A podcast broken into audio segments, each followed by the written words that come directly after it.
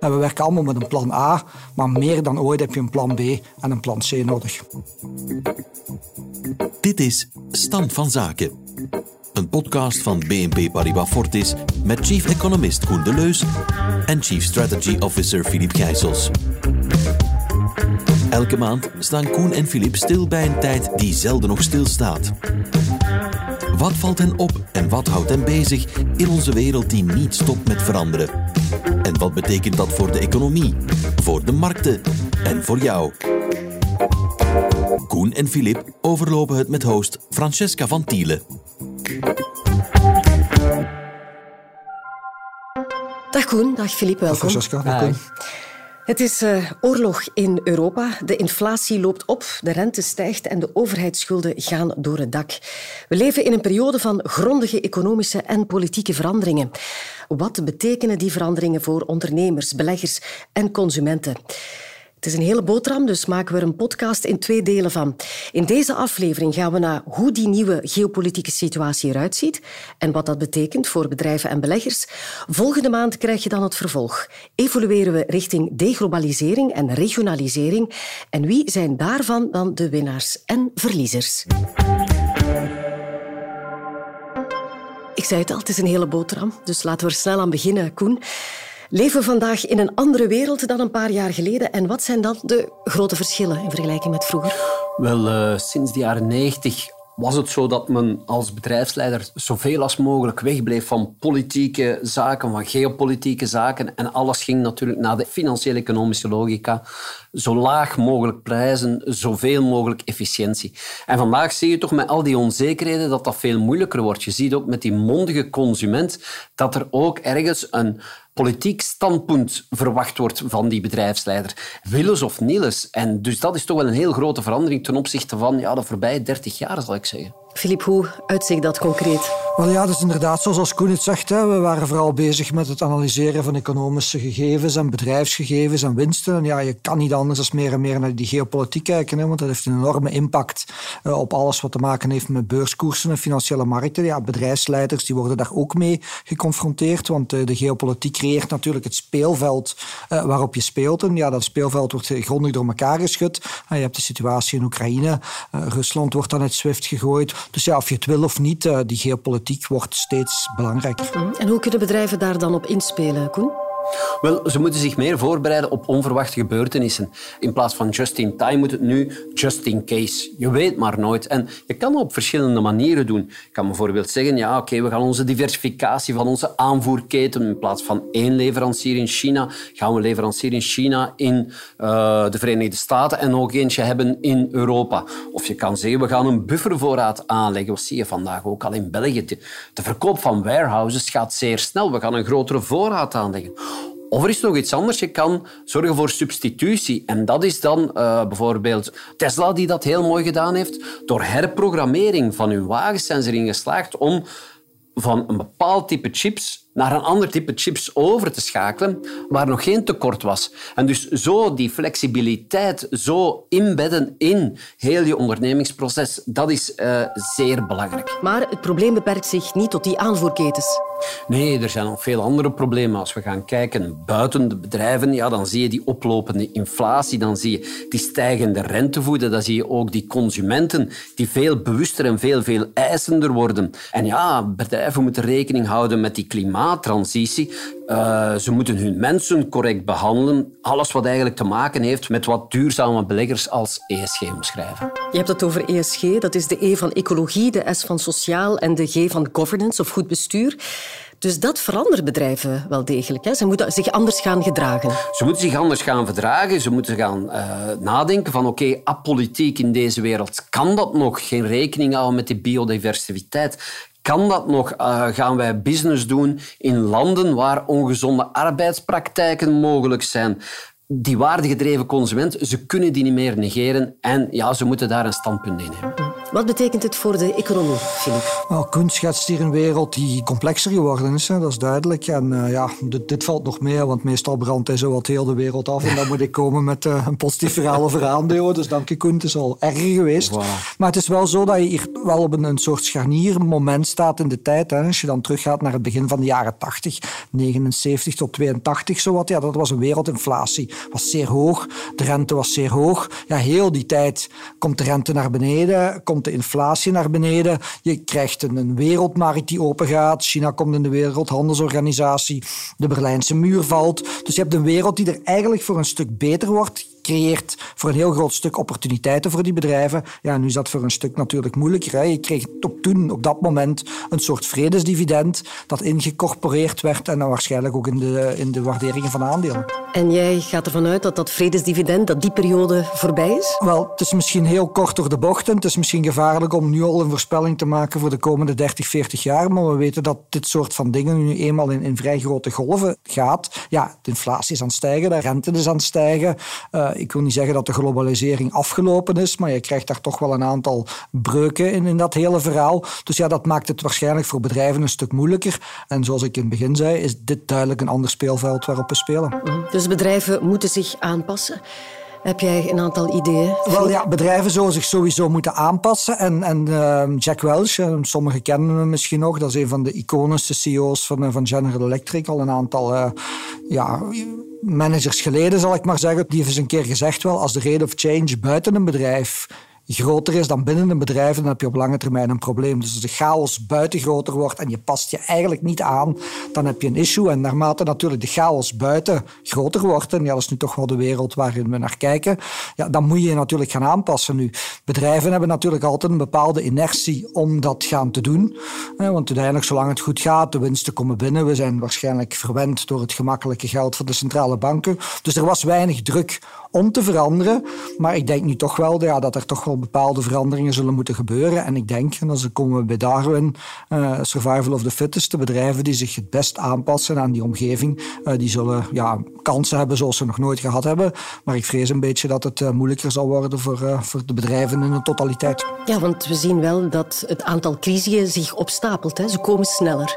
Ze komen sneller en, en, en we hebben nu die Rusland-Oekraïne-crisis. Ja, die komt na de COVID-crisis. En daar zie je ook dat er al aanpassingen zijn geweest. Dat zelf mensen ook tot nieuwe inzichten zijn gekomen. Mensen willen liever van thuis werken. Het is heel moeilijk om die mensen nog naar hun kantoor te halen. Mensen ja, uh, vinden nu ouderschapsverlof, we hebben daar recht op. Uh, mensen zijn ook niet meer bereid, buiten sommige enkelingen, om drie dagen de week op de baan te gaan, om uh, uitleg te gaan doen. Nu, ja, dat moet meegenomen worden. Die, die veranderingen zijn, gaan binnen het bedrijf, die veranderingen zijn bezig buiten het bedrijf. En wat vraagt dat? Dat vraagt eigenlijk agiliteit. Agiel, dat was al een modewoord nog voor dat we hier in deze crisis zaten. Maar ik denk dat we gaan naar een wereld waar agiliteit in het kwadraat zelfs nodig is.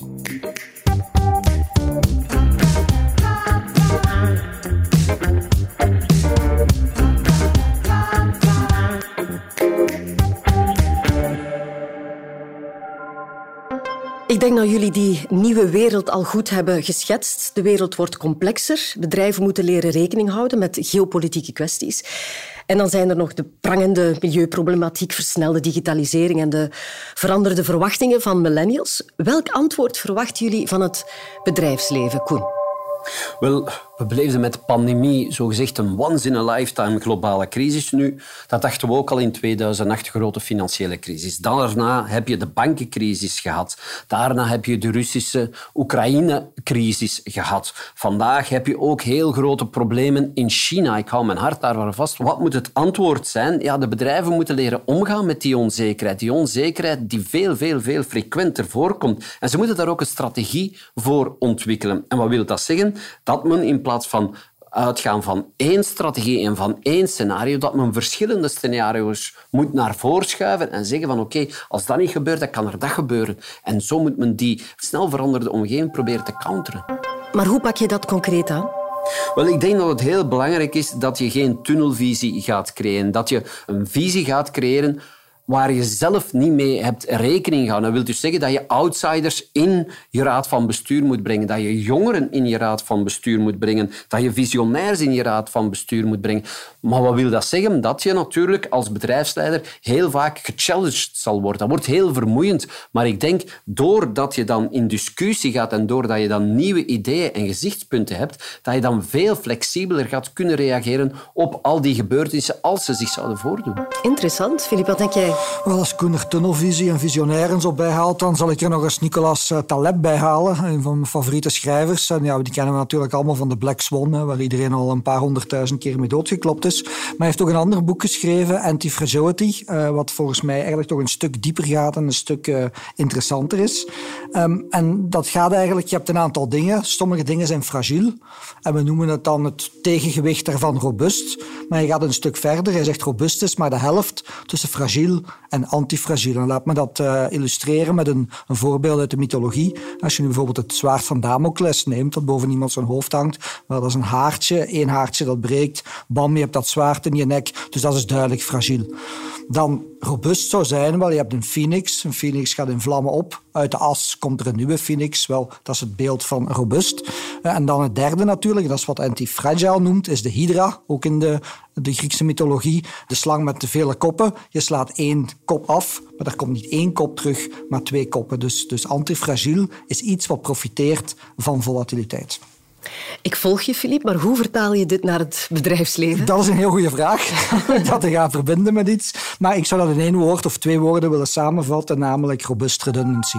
Ja, maar dus niet um, anti-fragility, want dan word je sterker door tegenslag. Ja, en dat is een heel intelligente vraag. Er is een verschil tussen de beurzen en de economie. Aan de ene kant kan je zeggen, een beleggingsportefeuille kan je eigenlijk gaan positioneren dat je anti-fragile bent, want je kan uiteindelijk instrumenten kopen, opties of iets anders, om een portefeuille in te dekken die stijgen als de markt zakt. Dat is duidelijk anti-fragile. Als het niet zou bewegen, is het robuust, maar dit is anti-fragile.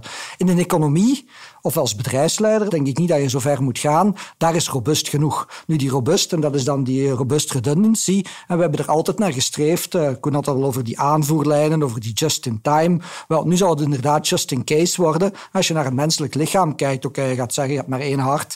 Maar je hebt al twee longen, je hebt twee oren, je hebt twee ogen. Dus het lichaam is ook niet gebouwd op efficiency, maar op robustheid. En ik denk dat je daar uiteindelijk voor een stuk naartoe moet. Um, misschien moeten we inderdaad een beetje winst opgeven om voor een stuk robuuster te zijn en meer bestand te zijn tegen die onverwachte gebeurtenissen die er op ons afkomen. En we werken allemaal met een plan A, maar meer dan ooit heb je een plan B en een plan C nodig. Volg je de redenering van Philippe Koen? Wel, ik uh, ben echt onder de indruk van de wijsheid van Philippe. Zoals nu, nu gaat het sneeuwen, oké, okay, dank je. Ja, nee, nee, nee, maar, maar, maar je verwoordt het wel perfect. Ik vind het mooi, de beelden die je daar zegt. Maar het nadeel natuurlijk op korte termijn is dat het creëren van redundancy, het creëren van robustness of, of, of, nog meer dan robustness, ja, dat gaat knagen natuurlijk aan de marges van de bedrijven. En dan zie je dat ja, vandaag die marges op het hoogste niveau sinds de jaren 90 staan. Dus ik denk wel dat we daar toch wel een serieuze druk gaan hebben op die marges van de bedrijven. En dat zou natuurlijk ook op de aandelenkoersen een beetje kunnen gaan wegen. Nu, dat is ook niet dramatisch, omdat ik al zei van oké, we zitten aan het hoogste niveau sinds de jaren 90. Gaan we dan terug naar de periode van voor de jaren 90, wat we voorheen al hadden gezegd? Ja, waarschijnlijk wel. Maar ook daar zie je zelfs ja, in de jaren 70 dat we zelfs nog naar hogere marges gingen. Hogere marges, waarom? Omdat toen de productiviteit ook nog een stuk hoger was.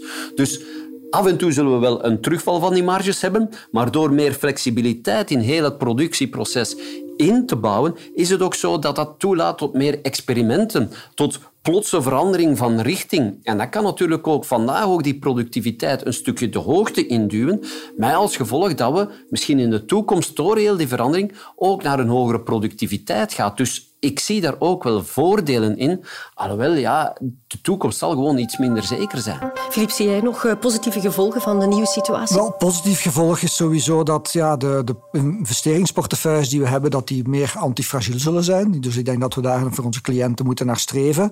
Dat hopelijk het bedrijfsleven ook meer robuust wordt. Ik denk dat dat ook alleen maar goed nieuws kan zijn. Nu, de keerzijde van de medaille daar is natuurlijk dat een aantal bedrijven het ook niet zullen halen en ja, failliet zullen gaan. En, en dat is denk ik een, een vrij natuurlijk proces wat een gevolg is. Bedrijven die niet in staat zijn om zich snel genoeg aan te passen aan die verandering, uh, wel, daar maak ik me wel zorgen over. En dat is natuurlijk redelijk pijnlijk. En je zult daar faillissementen zien en je zult daar ontslagen zien. Maar anderzijds, ja, naast die miserie is het ook zo dat je alleen maar naar een betere economie kan evolueren moment dat je die creatieve destructie toelaat, en zoals ook Flip zei, uh, die creatieve destructie is nu door het gemakkelijke geld niet toegelaten geweest. ik ben blij dat je dat zegt, want dan moet ik niet de boeman zijn die het zegt, maar soms zijn voor een stuk faillissementen ja, wel een nodig proces. En dat is natuurlijk, ja, als je dat op grote schaal doet in de economie, dan heb je een recessie, dat gaat gepaard met heel veel ellende. Maar als je dat inderdaad doet op iets kleinere schaal, je probeert dingen, je, je mislukt, je gaat wat anders doen, dan is dat eigenlijk maar, en dat is die creative destruction waar Koen het over heeft, is eigenlijk maar een herallocatie van mensen en middelen. En mensen die bij één bedrijf, een bedrijf is niet meer levensvatbaar, ze gaan dan werken bij een bedrijf wat wel levensvatbaar is. Dat kapitaal dat daar zit, wordt gebruikt voor iets nuttiger. En dat is eigenlijk zoals de economie vooruit gaat. En ik ben het 300% met ja. Koen eens, dat het gemakkelijke geld ervoor gezorgd heeft dat dat proces waarschijnlijk niet genoeg gebeurd is. En dat zullen we de komende jaren sowieso meer zien. Maar Filip, dat geldt niet alleen voor bedrijven, ook voor beleggers. Nee, ongetwijfeld. Het was de laatste 25 jaar een beetje een rare tijd op de beurzen. Je hebt, je hebt heel goede returns gehad, heel mooie stijgingen. Maar als je naar het sentiment van beleggers kijkt, ja, dan waren die eigenlijk constant in paniek. Er was constant angst. Je had het gevoel dat je van crisis naar crisis ging. Maar als je naar de grafieken kijkt, ziet het er eigenlijk heel goed uit. En het waren dankzij de hulp van die centrale banken natuurlijk schitterende jaren eh, voor de 60-40 portefeuille. Mhm, dan heb je het over 60% aandelen, 40% obligaties. Ja, inderdaad. En, en, dat is interessant, want wat, wat was daar interessant aan? Beide stegen. Maar aan de ene kant ook, als je dan eens wat klappen kreeg in de aandelenmarkt, ja, dan ging de rente omlaag en dan steeg de obligatieportefeuille. Dus dat was een perfecte match.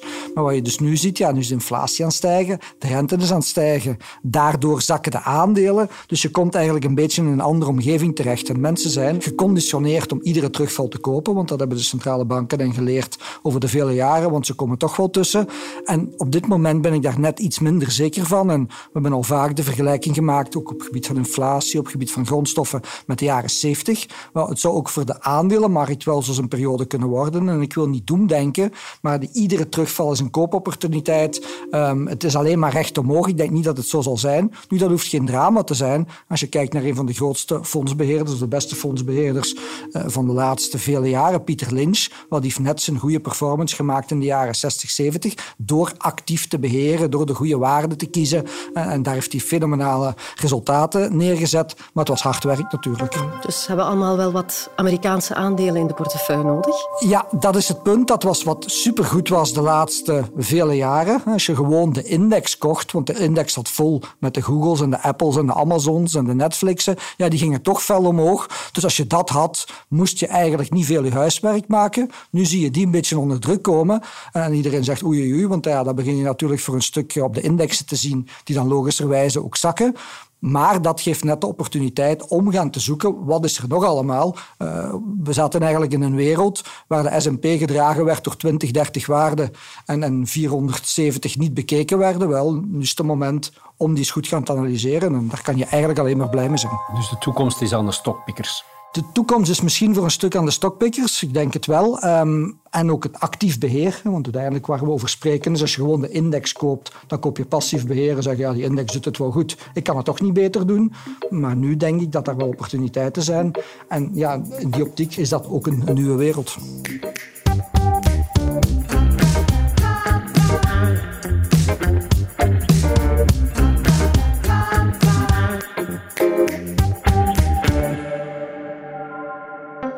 We zijn aan het einde van deze podcast. En er zijn altijd luisteraars die dan heel erg uitkijken naar jouw boekentip, Filip. Ja, en ik heb er eentje meegebracht. Een boek eh, dat ook al een jaar of tien oud is. The Fourth Turning van uh, William Strauss en Neil Howe.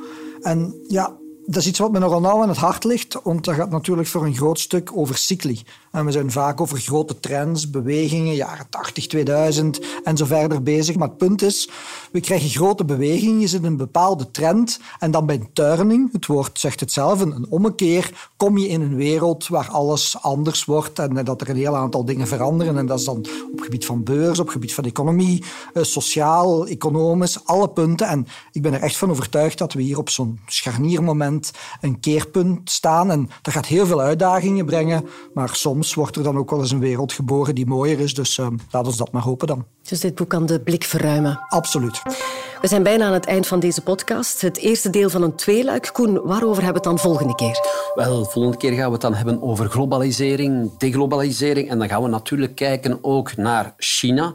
China dat aan het veranderen is van een exportgedreven economie naar een consumptiegedreven economie. Maar er zijn natuurlijk ook nieuwe maatregelen op til van uh, de VS die China aan banden wil leggen. Maar wie gaat dan de rol van China overnemen? Is dat Afrika? Afrika dan waarschijnlijk toch wel een heel belangrijke rol gaat spelen in die hernieuwbare energie. En natuurlijk de export die daarmee gepaard gaat. Ja, zo kunnen we zorgen dat uh, Afrika dan eindelijk toch ook meer opgenomen wordt in die globale handel. En dan moeten we het natuurlijk nog hebben over offshoring, reshoring, de vierde industriële revolutie, Internet of Things, metaverse, kunstverbouwing. Ja. We sparen het op voor de volgende podcast. Dank u wel. De info over de boekentip van Filip vind je op onze show notes. Deze podcast werd opgenomen op 26 april en de volgende staat online op 6 juni. Dank jullie wel, Koen en Filip. Het was uh, weer zeer boeiend. En tot volgende keer. Dit was Stand van Zaken. Vond je deze podcast interessant? Abonneer je dan via Apple Podcast, Spotify of een andere podcast-app naar keuze. Of deel deze podcast via sociale media. Zo help je ook anderen om hem te vinden. Heb je intussen vragen, opmerkingen of suggesties? Die kun je mailen naar socialmedia.bnpparibafortis.com. Graag podcast Stand van Zaken in de onderwerpregel vermelden. De opinies in deze podcast zijn die van de presentator en de geïnterviewde en geven niet noodzakelijk het standpunt van BNP Paribas Fortis weer.